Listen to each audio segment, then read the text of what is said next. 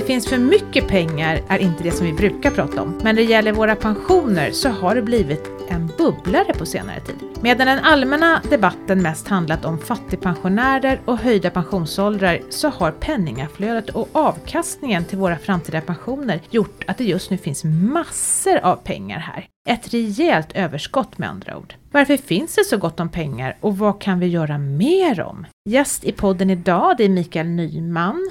Du är chefredaktör på Ja. nyhetsbrevet Pensionsnyheterna. Ja. Japp. Journalist. Ja, Ja. Eh, välkommen till oss. tack.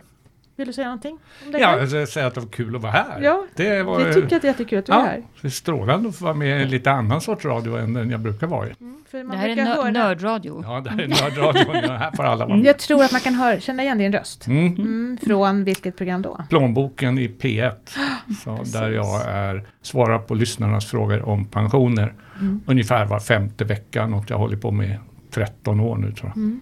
Hur länge har du jobbat med pensioner? Hela livet skulle jag nästan säga. Eh, Jag började väl jobba med, eh, som frilansare på en privat eh, ekonomisk tidning som gavs ut på SE-banken som hette Dina pengar. Och där fick jag och min kollega Mats Wester eh, uppdraget att skriva något om pensionsförsäkringar. Och så gick vi ut och skulle ta reda på hur det fungerade med pensionsförsäkringar och då satt vi på dåvarande Försäkringsinspektionen och fick en lång intervju med Yngve. Och Yngve berättade allt för oss och sen när vi kom ut så satt vi med fulla anteckningsblock och så sa Mats till mig, begrep du någonting? Nej, inte jag heller. Och då var det bara att jobba på tills man försökte förstå och fråga fler. Och När- fråga fler. Är du fullärd? Nej, det blir Nej. man ju aldrig. Nej. Det blir man aldrig, men jag begriper ju en del om hur det hänger ihop i alla fall eh, numera. Men det är fortfarande så att det finns massa konstiga saker kvar, så det är nytt att lära sig Ja. hela tiden. Det är därför det är så spännande med pensioner. Mm. För man lär sig nytt hela tiden. Ja, Ja, och ni som lyssnar, ni har hört Kristina också. Hej! Mm, hej hej. Hej, hej. Och sen så kommer ni att höra mig också, Maria Eklund. Och både Kristina och jag jobbar ju på min pension. Men det var när vi läste en rubrik i ett av dina nyhetsbrev. Och det stod så här. Eh, happy days are here again. Och det tyckte vi, det här, Micke han vågar sticka ut hakan och prata om det här överskottet. Mhm. Mm.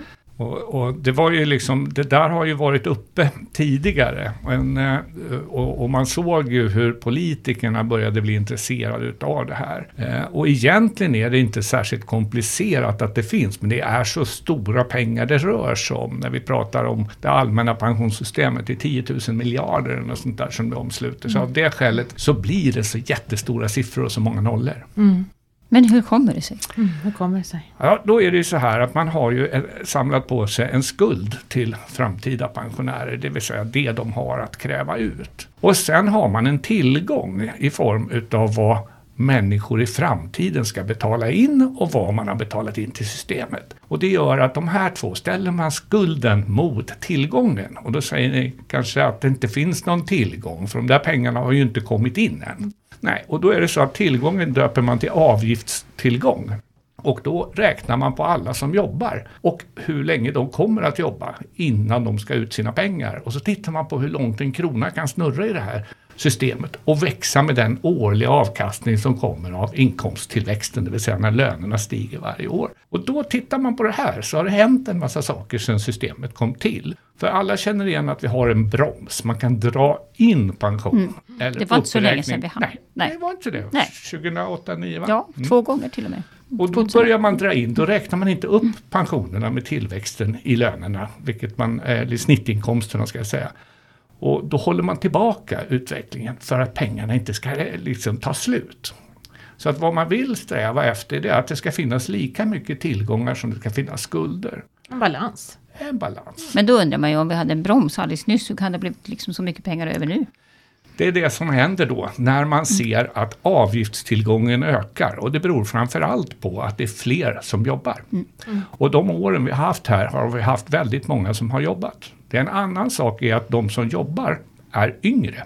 Det vill säga när pensionssystemet sjösattes då var ungefär hälften av de här människorna sådana som gick på gamla ATP-poäng och de omfattades inte av hela systemet. Men nu är hela systemet befolkat utav människor som skickar in sina 16 kronor på varje hundralapp in i systemet. Och de där 16 kronorna som varje hundralapp ger, rullar man ut dem en stund och tittar en bit framåt i tiden, då kan man se att avgiftstillgången växer. Det är en lavinartad Ja. Och, och här har vi ju Ja. fått en befolkningsökning också som Ja. då också borde vara bra här. Just det. Så det, det är väldigt många faktorer och plus att vi har haft AP-fonder som har gått som tåget. Men nu Gott. går de dåligt. Ja, Ja, dåligt. lugn och fin. Lugn Ja. och fin. Ta den inte så snabbt utan lugn och fint. För att vi hade ett fantastiskt år. eh, 2021 Ja, det som blev ett katastrofår. 2021 så hade vi överskott i, i det här systemet. För vad man gör är att man använder sig av avgiftstillgången, kronan som snurrar, Mm. och man använder sig av tillgångarna i AP-fonderna.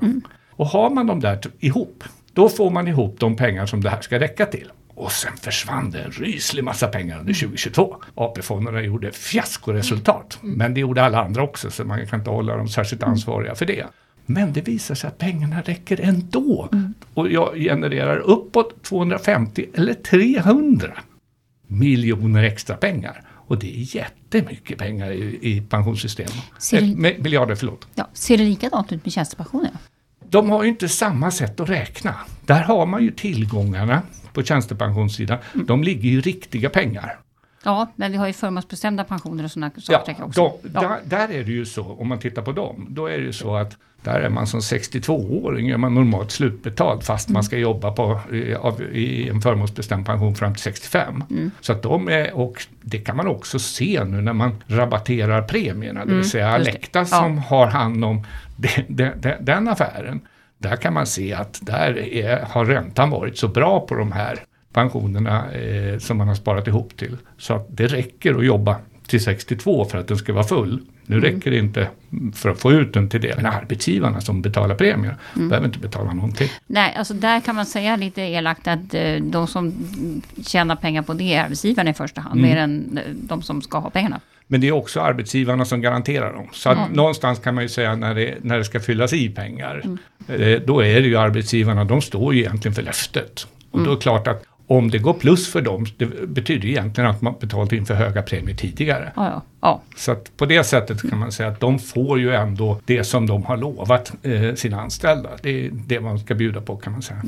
Men tillbaka till då allmänna pensionen och ga gasen som man har pratat om. Men blir det någon gas? Eller, för det kunde man liksom spontant tänka att ja men herregud finns det pengar över är det väl bara att dela ut dem. Men så verkar det inte vara. Nej, så enkelt är det inte. Men man kan säga det att eftersom vi hade en broms så är det symmetriskt korrekt att tänka sig att man också har en gas. För att om, om systemet drar in pengar från pensionärerna så kan man ju tänka sig att då borde man få tillbaka dem i goda tider. Och nu har vi haft goda tider och det ser i normalscenariot eller basscenariot så ser det ut som den här avgiftstillgången kommer att växa hela tiden. Men det är klart, blir det krig och missväxt och alltihopa, då är man ju tillbaka på balanseringssidan. Men att då har man också sagt det, vilket kommer från, frågan utreddes ju 2004 kom det väl ut utredningen, som handlade just om utdelning av överskott. Men den blev ju aldrig lagstiftning för det var Nej. ingen som trodde det skulle bli något Nej. att dela ut. Det var ingen som trodde det skulle bli någon broms heller by the way. Nej, men att den, den var ju mer akut att plocka fram när Ja, den behövdes. ja. Eh, Men att den här andra sidan i symmetrin här, den har man inte haft, eh, liksom den har legat i malpåse sedan 2004. Men där finns ju komplett lagstiftning, så det går ju bara att jaga ut den. Och vad väntar man på? Politiken kanske? Men det borde ju, alltså politiker tycker ju inte om att komma med dåliga budskap, det fattar jag också, men, men det här är liksom ett bra budskap. Ja, först bör man ju, alltså jag ska ju säga då att Mm. eh, jag är inte säker på att man behöver höja allas pensioner. Jag kan tro att många skulle vilja ha mer och så vidare, men jag är inte säker på att det, det är rätt väg att gå. Men i och med att det finns överskott så kan Mm. jag tycka att det är självklart att det ska fördelas ut på de som har fått ihop de här överskotten och jobbat ihop dem. För Väntar man för länge, ja precis, väntar man för länge så hinner de här människorna dö och då har de jobbat ihop de här pengarna i onödan eller skapat överskotten i onödan. Det är vi, vi tre, ja. Mm. Ja, De har precis. passerat 50 plus, borde inte vi få lite pengar då? Jo, Typ. det är så det borde kunna hända. Men om man delar ut de här allihopa så kan man ju inte lägga sig för nära gränsen och då blir det lite grann som en sån här traditionell pensionsförsäkring. Man sparar en konsolidering. Ja. Så att om balanstalet är 1 då har vi lika mycket Ja. tillgångar som skulder. Är balanstalet 1,1 då har vi 10 procent över. Och fortsätter vi då så hade vi nu 1,13 eller något sånt där, det där. Det är ju inte så exakt att räkna på, men ändå, då hade vi det. Och då visade det sig att då har vi 300 miljarder över. Men tillbaka, rysligt mycket pengar. Alltså de traditionella försäkringarna, där brukar man ju ändå ha en gräns när man säger att "Nej, men nu har vi så mycket pengar så nu delar vi ut lite extra. Varför kan man inte ha det då? Ja, men det är ju det, hela den här utredningen, ututredningen, man kan säga att den fungerar som en konsolideringspolicy. Mm. Det var det förslaget de la. Mm. Men då kommer det alltid finnas några härliga särintressen som kommer säga att vi ska ha mer, vi, fick, vi fick, blev balanserade de här mm. åren och då vill vi ha igen dem. Oh, jag känner igen mig jättemycket här. Eller ja. hur? Och, och de har man ju då redan mm. fått igen för att mm. man, man fick ju faktiskt jobba upp sig på linjen igen innan, mm. eh, när, när balanseringen tog slut. Så fick man ju tillbaka, så att man, man kom tillbaka. Allt fick man naturligtvis inte tillbaka. Nej. Så att man blev bromsad. Ja. Och att eh, det kommer alltid vara sådana här situationer som uppkommer. Men det vi ser nu framför oss det är att avgiftstillgången växer. Ja. Men har vi färre människor som jobbar, då jobbar de färre timmar. Eh, tjänar de mindre pengar, ja, då blir det inte lika roligt längre. Då får man titta på vad man får, får man strama åt om det behövs. Ja, fast problemet är väl om man har en broms men inte en gas. Det känns ju liksom lite konstigt. Ja, mm. men det är först nu som den där aktualiseras. Det är på senare år vi har sett det och vi mm. ser ju då att AP-fondernas tillgångar kommer räcka tillräckligt mycket. De har ju vuxit mycket, mycket mer än, än man hade förväntat sig. Så mycket, mycket mer. Så att av det skälet så har ju de gått som tåget. Och då ska vi komma ihåg att vi kommer ur en extremt gynnsam situation för AP-fonder, kapitalförvaltare, försäkringsbolag, alla andra. Vi har haft fallande räntor i 20 år i rad. Fallande räntor skapar jättelycklig börs och fallande räntor skapar jätteroliga obligationer eftersom man kan värdera upp dem när räntorna går ner. Mm. Så sitter man i en obligation som ger 5% ränta och så, så är det ju jätteroligt om, om man sitter ensam med den. Då kan mm. man sälja den väldigt dyrt mm. mm. om räntan i övrigt är noll. Men om jag lyssnar på dig så låter det ändå som att då tycker du att mm, ah, vi gör ingenting. Vi, vi, väntar på nästa katastrof och så har vi det som buffert. Nej, utan om, eh, jag tycker att det är bra att ha en buffert och jag tror man kan hålla i den en stund. Men, men det viktiga är hur gör vi det här ja. så att det inte blir huggsexa om det. Och i politiken så handlar det om att man ska göra någonting som är bra för partiet. Mm. Man ska inte göra någonting som är bra för alla människor. Och det var ju så vi fick mm. det här jätteroliga inkomstpensionstillägget i systemet. Det var ju en ren allmosa som mm. kom ifrån från, eh, socialdemokrater och ville liksom visa att här, vi gör nytta tyckte Ardalan Shekarabi. Vi ska skicka upp, för den här gruppen är jätteviktig har vi räknat ut. De som har pensioner 14 till 18 000 i månaden. Då skickar vi in ett extra tillägg till dem i form av ett statsbidrag eller ja, för ingenting egentligen. Det var i alla fall prestationsfritt man fick det. Så att där, där stoppade man in dem där.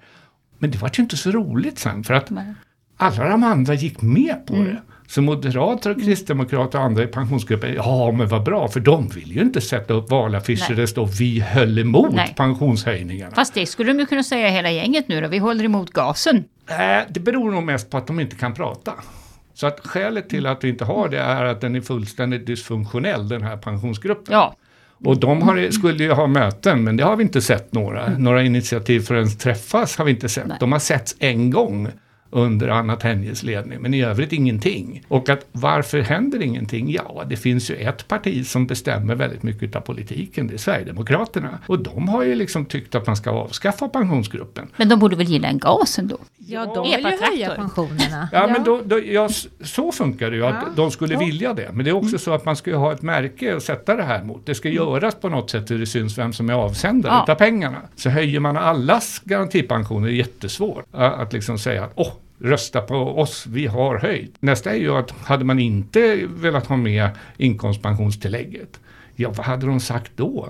Vi moderater höll emot en pensionshöjning. Det går inte att skriva på valplakat. Men när det gäller den här frågan, då är vi i en situation där det är flera saker man bör göra samtidigt. Inte mm. bara skicka pengarna till dig och dina gelikar och mig och mina gelikar. Utan då vill man göra fler saker. Så hur tänker de? Ja, alltså Pensionsmyndigheten är ju lobbyorganisation nästan i det här. För de utreder ju det här och, och tittar på det. De hade tre förslag som de presenterade i veckan mm. eh, vad man skulle kunna göra. Och det ena är att man höjer avgifterna. Så att man, det de säger, återställer 18, de mm. här 17,21 procent som vi betalar in till systemen idag till 18,5. Och det är en höjning som är på riktigt, det vill säga vi tvångssparar ännu mer. Och vem betalar? Ja, det gör ju individerna. Vi får ju avstå mm. lön mm. för detta. Mm. Det, folk säger att ja, men det är jättebra, vi höjer avgifterna. Nej, det är ju inte så. Du flyttar dina pengar från när du är ung till när du är gammal? Ja, exakt så mm. gör du. Ja. Eh, och fråga, behöver jag flytta mera? Mm.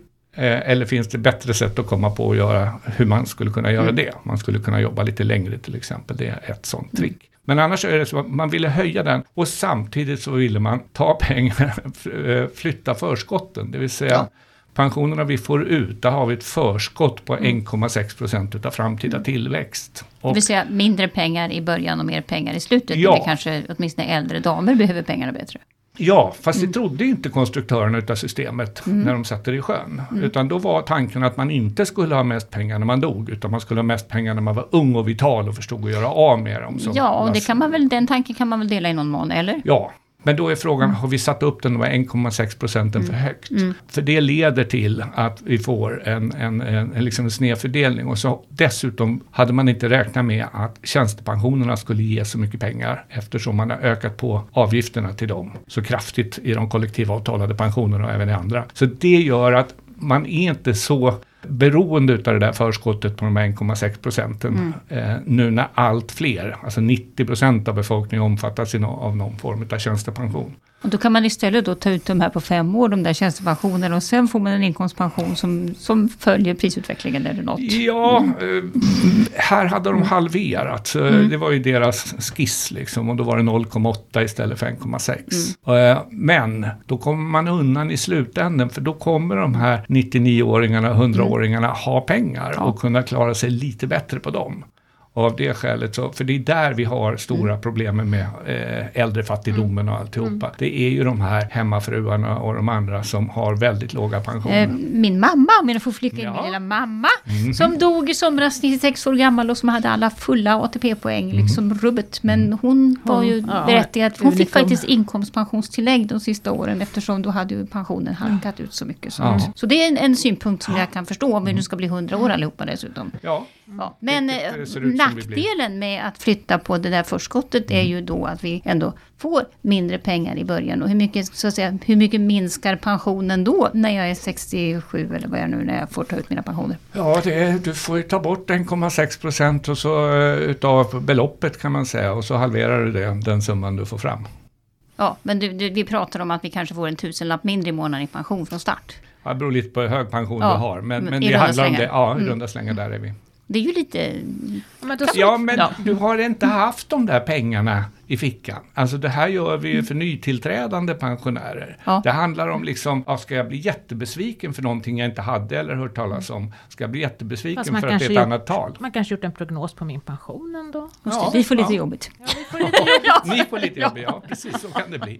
Ja, men vad var det tredje, tredje förslaget då? Ja, men det tredje förslaget är att man, eh, man delar ut pengarna ur, ur, ur eh, systemet. Mm, ja, man mm. gasar systemet. Ja. Och det är ganska enkelt att göra. Och Det kräver nästan ingenting. Det är bara ändra några nuffror i Excel-arket kan man säga. Men vilka får pengarna då? Alla? Jo, alla är ju... Ja, det, det kan alla hävda, det beror på. För det finns ju de politiker som tycker åt var och en efter behov och, och så vidare. Så att man, man skulle kunna börja dribbla med det. Men det är jag ju väldigt främmande för. Det låter Utan- väldigt svårräknat och svårhanterligt. Ja, men Ja. kolla hur, hur, räkna ut inkomstpensionstillägget. Ja, ja. det är, Mm. ingen, ingen kan göra det förutom Nästa Pensionsmyndigheten. Nej, Nej okej, men då skulle alltså alla få typ vad då? Vad skulle det innebära för mig som... Är det också en tusenlapp vi pratar om? Ja, jag vet inte vad den blir i kronor, men jag tror att systemet, om man, ser den här första, om det är 250 miljarder, om vi pratar om det, då blir det 5-6 procent Ja. som, som man ökar eh, pensionen med. Och då ökar man även de som inte har gått i pension. Man Mm, ökar för alla, Ja, ja, och i förhållande till det kapital man då har. ja. Så att är man nära sin pension då kan man göra ett ganska bra klipp där. Ja, så skulle det kunna bli. Nu börjar det låta intressant. Ja, Som är född 57. Hur lobbar vi för det här? ja precis. Ja. Men var, var kommer vi landa då tror jag? Om nu liksom, du får vara politiskt orakel här. Vad, vad, vad kommer att hända? Eller blir det bara en, är det bara en teoretisk diskussion och så blir det ingenting av det? Eller kan det bli något? Ja, det måste ju beredas och det, Mm. det var ju uppe eh, och man har ju sagt att det skulle kunna göras från 2024. Mm. Och nu är beredningen i stor utsträckning redan gjord. Så Mm-hmm. Där vet vi ju att eh, de, reglerna och den lagstiftning man tog fram, den behöver man kanske putsa på. Mm. Eh, Men, men att där skulle man kunna göra någonting utav det så att det skulle kunna bli på, på riktigt. Mm. Men det är också så att om man börjar med de här så är det ju inte här, det är inte ett överskott som bara ligger nu. Mm. Det genereras ju nya hela tiden. Så att det innebär ju att nivåerna kan gå upp. Givet att den här utvecklingen som man prognostiserar men inte garanterar står sig. Så då kan man ju ha trevligt med de pengarna och dela ut dem. Jag tror att det får Nackdelarna med det är att det helt plötsligt blir för lönsamt att gå i pension och gå i pension tidigt. Ah, jaha, så Och där har vi då kommer vi dra ner, eh, för då drar vi ner det här Ja. igen. Så det, vi, ska, vi ska vara försiktiga med att plocka ut för mycket pengar i förväg, tycker jag. Och jag tror att det är en ganska bra grej att tänka efter före, disciplinera sig. Och gör man det i kombination med avgiftshöjningen, då får ju den effekt någon gång runt 2070 eller något sånt där, om man börjar höja med de här delarna som fattas mellan 17,21 till 18,5. Det tar ju väldigt lång tid. Men det känns ju som om vi nu har en gas, kan vi inte skippa avgiftshöjningen då? Ja, avgiftshöjningen är ju tänkt att man skulle ö, öka andelen eh, människor med, med pension och förenkla i systemet framför allt. Mm, av med bostadstillägg och sånt där annat luller. Precis. Ja, det är ju för sig Det, det, det, ja. Mm. det skulle kunna vara. Sen är det ytterligare en grej att om man plockar bort, eh, man gör systemet eh, robustare så att det inte är så mycket olika Mm. grundpensioner och alltihopa. Eh, jag vet Daniel Barber på Pensionsmyndigheten var ju inne på att man skulle kunna fundera över att man skapar en ny folkpension istället för att ha denna skrälldus utav bidrag. Mm. Vi har ju bostadstillägg för pensionärer, vi har äldreförsörjningsstöd, vi har garantipension. Alla de här sakerna som betalas ur statsbudgeten. Fast jag menar om det då, om garantipensionen blir för hög, det måste väl också vara incitament för att sluta jobba tidigt? Japp. Och dessutom så har vi det härliga respektavståndet Ja. som krymper Ja, ihop. framförallt Ja, det. och Och dessutom sen- skulle man ju svartjobba då glatt. Ja, och sen nu är vi i läget att alla har, hur mycket har i pension? Ja, 15 000 efter skatt. Där är ju nästan allihopa. Jo. Det är 50 procent skulle jag säga. Ja. Men sen är det tjänstepensionerna som fäller avgörandet. Sen. Ja, men nu kan du få vara minister ett slag. Eller du kan få vara ordförande i pensionsgruppen. Mhm. Oj, och härligt. Mm. liksom vara visionär framåt. Och blankt bord. Vad gör du? Ja, jag skulle ju försöka hålla i, plocka bort sånt som stör i systemet. Och det som stör är det som är bidrag som riktas till särskilda grupper. Riv bort Ardalans eh, pensionstillägg. Riv bort Det är inkomstpensionstillägg. svårt att riva bort det man har infört va? Ja, men om man har då pengar att köpa loss det med så gör det. Eh, köp ut det, renodla strukturerna, gör inte så mycket mer. Sen tycker jag också att man borde kunna jacka upp eh, de allmänna pensionerna. Det vill säga, som det är idag så överlåter man det ansvaret på eh, avtalsparterna i kollektivavtalen. Och de hissar ju upp eh, sina liksom, avgifter med jättemycket. Nu Ja. ska man sätta av 6% i staten och, och så skriker de i regionerna för det blir svindyrt att göra sådär. Men det kan man väl inte göra hur länge som helst. Alltså, nu går vi mot sämre tider. Då, det lät ju som att det blir inget mer sånt i alla fall. Nej, men du kommer ju ha efterföljare. Om staten redan lagt upp sig på 6% så kommer ju tjänstemännen på privatsidan vilja upp till 6% de också. De här 4,5 är döda kan man säga. Så, att det, det är ju, så att vore jag minister så skulle jag försöka hålla i och akta mig för pensionspopulism. Och att låta, stå, låta maskinen stå och vara där och verka. För att inte släppa lös de här hiskliga valrörelsen med, med överbud till alla. Men 2,5 miljoner pensionärer kan ju inte ha fel, eller hur? Nej, det, de, men de kan ha fel när de lägger röstsedeln i, i, i, Jo, i men jag menar om jag då är desperat och vill vinna ett val och så ser jag att oj, nu har jag 2,5 miljoner röster här som jag liksom kan få ganska enkelt. Då skulle jag ju ändå vara ganska lockad av det. Hur, Ja. ska hur motverkar du det? Ja, av det skälet att om då gör man ju alla, alla följer John, då tappar man ju hela effekten. Det Mm, ja. var ju så med garantipensionshöjningen. Det fanns visserligen ett sosseförslag och ett allians eller vad vi ska kalla förslag på andra sidan. Men de var ju till förvillelse lika. Mm. Ja. Så att det var ju netto. Och om alla får och alla delar ut, ja då är det ju i alla fall inte den frågan som fäller avgörandet för vad, vilket parti jag ska rösta på. Nej. Dessutom är det så att det här med pensionerna, det är inte top of mind för människor i befolkningen. Jag tror att det var plats åtta eller något sånt där. Så att det fanns mycket viktigare vårdfrågor, eh, försvaret, eh, Ukraina, alla sådana saker var betydligt viktigare för folk än just pensionärer. Men då kommer vi in på...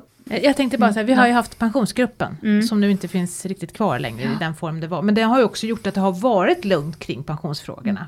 Och att man liksom, det har inte, det har inte stuckit ut förrän Ardalan faktiskt kom dragandes Nej. med sitt. Nej, han, han, är, han, han har ansvar för att det där följer ihop. ja, Men det är faktiskt. också så att Vi har ju Vänsterpartiet och Miljöpartiet och Sverigedemokraterna vill inte ha det. Nej. Och nu är Sverigedemokraterna det största liksom, partiet i den här gruppen. Så att av det skälet så finns det en risk, ser jag, att de har ju en majoritet, en enkel riksdagsmajoritet, kan ta de här överskotten i pensionssystemet om man vill till Mm. Ja. angelägna syften. Det finns ingen lagstöd för att, äh, att man inte skulle få ta dem. Man kan ju lägga dem på vården. Ja, eller till exempel. Och det kanske inte vore så dumt. Nej, men sen är det inte statens vård oftast utan regionerna. Får Ja. man skicka regionerna eller skicka Ja, bidrag men det till finns ju sådana regionerna. här statsstöd av olika Absolut. slag. Så jag bara tänker högt. Ja, att jag men- menar varför, man kan ju liksom fundera på många sätt. Ja. Eh, Om pensionärerna verkar ha det bra, eh, om jag förstod dig rätt, så kanske de inte... Vi, om vi nu ska få folk att jobba längre kan vi ju liksom inte ha för höga pensioner heller. Nej, det är precis det. Mm. Ja. Eh, och sen har det också att göra med att vi har haft en enormt bra utveckling de här senaste 20 åren. Jag tror inte vi kommer få se den framöver. Så därför ska man akta sig för att dra ut kurvorna för långt. Eh, jag tror att man kommer nog ner på lite normala utvecklingstal och tillväxttal eh, framöver. För vi, vi får inte en sån här rutschkana ner på räntorna en gång till innan de är uppe på de där 14,5 procent som jag hade när jag lånade till bostaden första gången.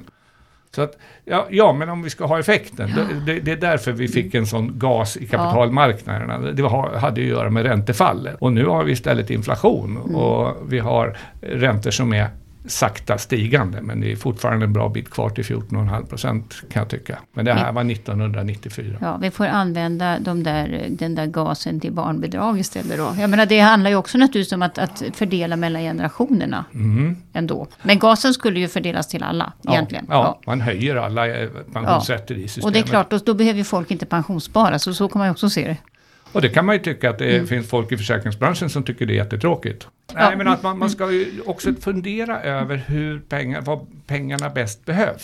Och frågan är, jag vet att jag skrev någon gång en liten kolumn i en Handelsbanken-tidning som man skickade ut till alla människor. Och då skrev jag att spara inte åt kråkorna, det vill säga det gick ut på att man skulle absolut inte spara pengar till sina barn. Och skälet till det är att barnen, när de, med den tillväxt vi har haft genom åren, så kommer barnen alltid vara rikare än sina föräldrar. Nu är vi i en situation där inte det är lika tydligt. Men det var ju en miljon människor som fick den där krönikan och de var ju vansinniga på Handelsbanken för att jag hade skrivit att spara inte åt era barn för era barn kommer ha två segelbåtar när ni har en. De kommer ha två sommarstugor när ni, ni har en och så vidare. För att tillväxten gör att lönerna ökar och då kommer konsumtions, konsumtionsutrymmet öka. Så här har vi en maktfaktor till som ställer till det. Mhm. Jobbigt det här tycker Ja. jag blev nu. Ja. Men man får ju tänka, får ju tänka att allting växer ju då. Och Ja. får, får man den situationen så hamnar man i det där läget att, att barnen blir rikare än föräldrar. Så varför skulle man spara åt barnen? Och apropå barn, kommer det finnas några pengar kvar till dem den dagen som de blir gamla? Och hur länge ska de jobba? Det där, är ju, det där är ju faktiskt en fråga som jag hade väldiga problem med någon gång 1994. När jag började läsa på om det här pensionssystemet som skulle införas då. För där står det i förordet att det är alltid den aktiva befolkningen, aktiva delen av befolkningen som bestämmer hur mycket pengar pensionärerna kan få ur varje års produktion. Och det där är otroligt jobbigt, jag förstod inte det där. Och jag tänkte, men herregud, de har ju pengar. Och då var det någon som var smart nog att förklara att om man tänker sig hela samhället som en bondgård och så har föräldrarna jobbat på den där bondgården och de har barn. Om barnen inte längre går ut och sår någonting på åkrarna, då har föräldrarna absolut ingenting att äta. Och då invänder man och säger, ja men herregud, de har ju pengar. Fett snålt och fiberrikt, men eh, det blir inte mätt på att äta sedlar. Så därför så måste ju de här barnen jobba och få upp ny säd på åkrarna. Och exakt så funkar det. Så det är alltid barnen som betalar sina föräldrars pensioner. Mm. Sen kan vi överlåta det på indiska barn genom att placera pengar i Indien eller någonstans där. För då är det liksom den indiska produktionen vi lever på. Men det är alltid barnen som jobbar. Det är alltid de som ser till att pensionärerna får sina pengar. Vi har ju läst en intressant rubrik till faktiskt i de här pensionstidningarna den här veckan också. Det var ju apropå det här Danmark och att den danska medellivslängden faktiskt sjunker. Eh, kan det bli verklighet?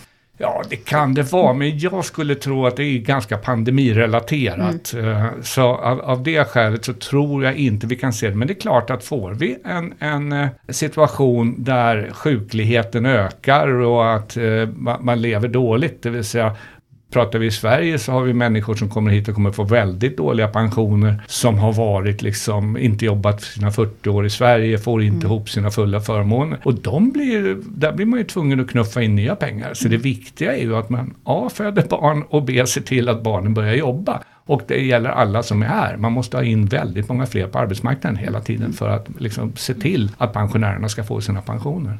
Hur sammanfattar vi det här?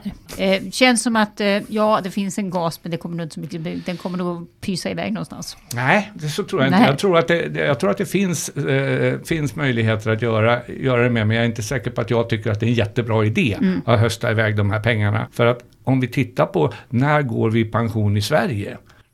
Jag tror det var, var eh, Jens Magnusson på SCB som hade räknat att med den här tiden som, som vi ökar pensionerna, pensionsåldern med, mm att det, det skulle ta 10 000 år hade han räknat ut innan vi var i, i, i, rätt nivå. Om vi fortsätter bara öka med tiondelar och tiondelar och tiondelar. Så att om, om folk tycker sig ha råd att gå i pension vid 62, mm. vilket en hel del gör, så ja, då, då kommer det inte räcka. Då är man, är man ju pensionär, då är det för mycket liv kvar i slutet mm. på pengarna. Det, det är där man hamnar då.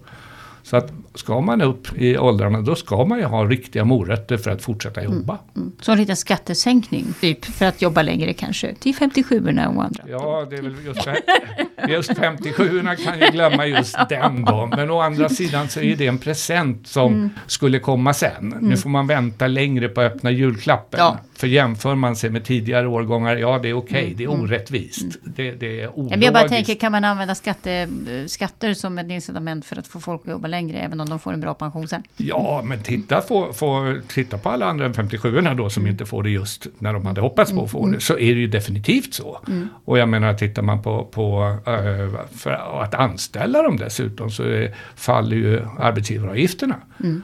Så de är väl nere och betalar 10,26 mm. på de där, mm. så det blir väldigt billigt att ha hand om pensionärer. Mm. Och sen då jag raljerar nästan om att man inte går i pension efter 65, så har det ju skett ett väldigt, eh, det har ju ni redovisat också, att det har blivit en väldigt stor spridning hur mm. folk gör. De börjar ta ut lite pension och så fortsätter de att jobba och fortsätta att jobba är ju jätteeffektivt. Det är liksom, kan, kan man jobba 25 procent mm. så kanske man kan få 8000 eller något sånt där och så är jättelåg skatt på mm. det. Jag kan ju tjäna upp till 300 000 om året och betala 8% skatt och ändå få ny pensionsrätt. Det går ju inte att sockra dealen bättre än så. Nej, men det är det jag menar. Det är kanske är så man ska jobba istället för att gasa och bromsa och ha sig. Ja, ja. Det, så kan man göra. Å andra sidan så uppkommer ju då rättviseaspekten. Ja. De som är i systemet, de som har varit i systemet, de har dragit ihop pengarna tillsammans. Mm. Ska vi då fördela ut dem efter något annan, någon annan fördelningsnyckel? Det känns svårt om man skulle acceptera den typen mm. av eh, resonemang tycker jag. Men att det inte blir någonting snabbt, mm. det tror jag vi kan förvänta oss. Mm. Sen har det att göra med stiltjen, har nog att göra med att Sverige är ordförandeland i EU. Ja, just det, okay. Så att där tror jag att den här våren är nog ganska intecknad. Men om vi säger 25? Ja, ja, absolut. Mm. Det, skulle inte, alltså det, det är inte omöjligt Nej. att göra det. Men tillbaka, är det, är det så synd om alla pensionärer? Nej, nej, nej. men så det finns pengar så kan man ju sätta sprätt på dem. Ja, det är rätt. Och då är det ju också så att de kan ju gå till vilket ändamål som helst. Ja. tror inte Erik Thedéen håller med dig där. Möjligen inte. Nej, nej, nej. men jag bara tänker, det, det, nej men den analoga frågan, det, det, är väl det där om vi har en broms som alla ska vara med och betala, så är det väl någonstans, känns det väldigt konstigt om man inte får gasen där absolut, finns över. Absolut. Men om man kan ge de pengarna på annat sätt ja. så går väl det också bra.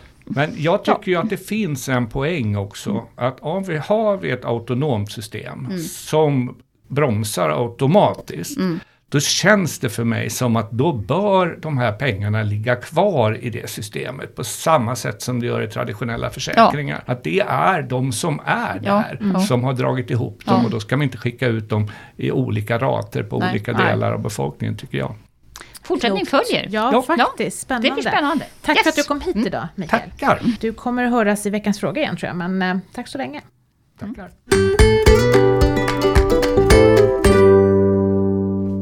Veckans fråga kommer ifrån Stefan. Han vill sluta arbeta i sitt eget aktiebolag i augusti i år. Eh, han har lite pengar att leva för framöver skriver han här och eh, så vill han ta ut den allmänna pensionen vid 63 års ålder plus en månad säger han för det första här då. Ska vi reda ut det kanske? Ta den du. 63 och en månad. Ja, Mm. förmodligen är det väl så att han tänker på då 62 år och en månad Ja. som gäller för privatanställda tjänstemän. ITP2. Där finns det då specialregler som vi har nämnt i podden. Man kan få eh, sin pension slutbetald. Men det här med 63 år och en månad. Det, det, är alltså, det pensionsåldern för att börja plocka ut sin allmänna pension den är 63.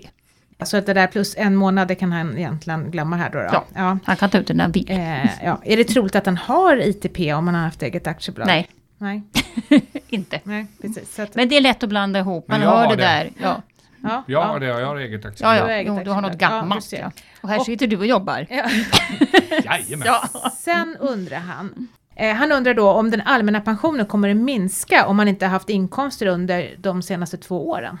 Ja, det gör den ju på två sätt faktiskt. Dels så tjänar den inte in nya pensionsrätter. Mm. Eh, och det kan ju vara ganska mycket pengar. Eh, och eh, ännu värre är det nog, knepigare är att de här pengarna som man då ska få ut livsvarigt, de ska räcka två år till eftersom de betalas ut i, till följd av hans förväntade medellivslängd. Och de där två, den där kombinationen är faktiskt inget bra. Då minskar pensionen Mm. rejält. Vad skulle han kunna göra istället då? Jobba. Nu låter du som Pensionsmyndigheten. Jobba. jobba, jobba, jobba. Eh, nej men han kan väl hitta en blandning. Han Ja. kanske kan inte jobba lite, lite, lite grann och han har ju sin firma. Han kan väl liksom göra lite mindre i den eller ja, trappa av långsamt. Ja. Jag vet inte om man kan sälja firman heller. Det, det, är liksom, det, man finns mycket kanske man kan göra där. Mm.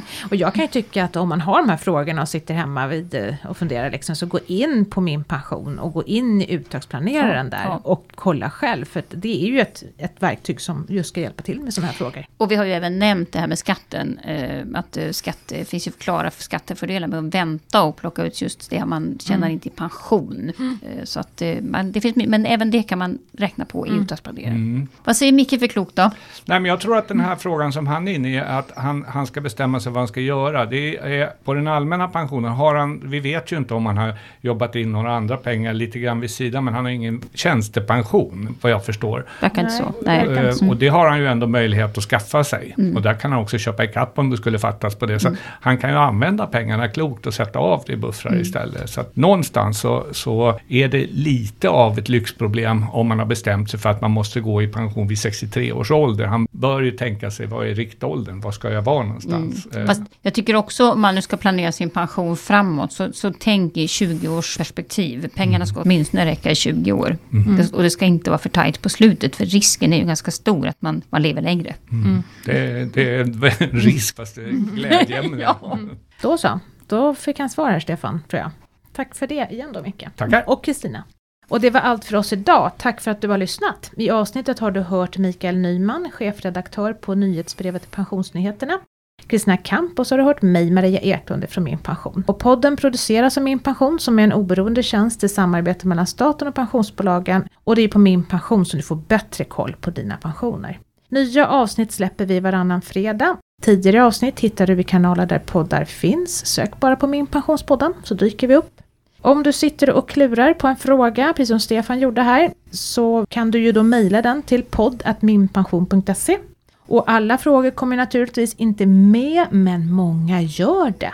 Och vi läser faktiskt allting som kommer in och vi försöker också svara dig via mejl, så att eh, det är en bra kanal in till oss. Jag hoppas att vi snart hörs igen. Ta hand om dig och din pension till dess. Ha det så bra. Hej då då! Hej då!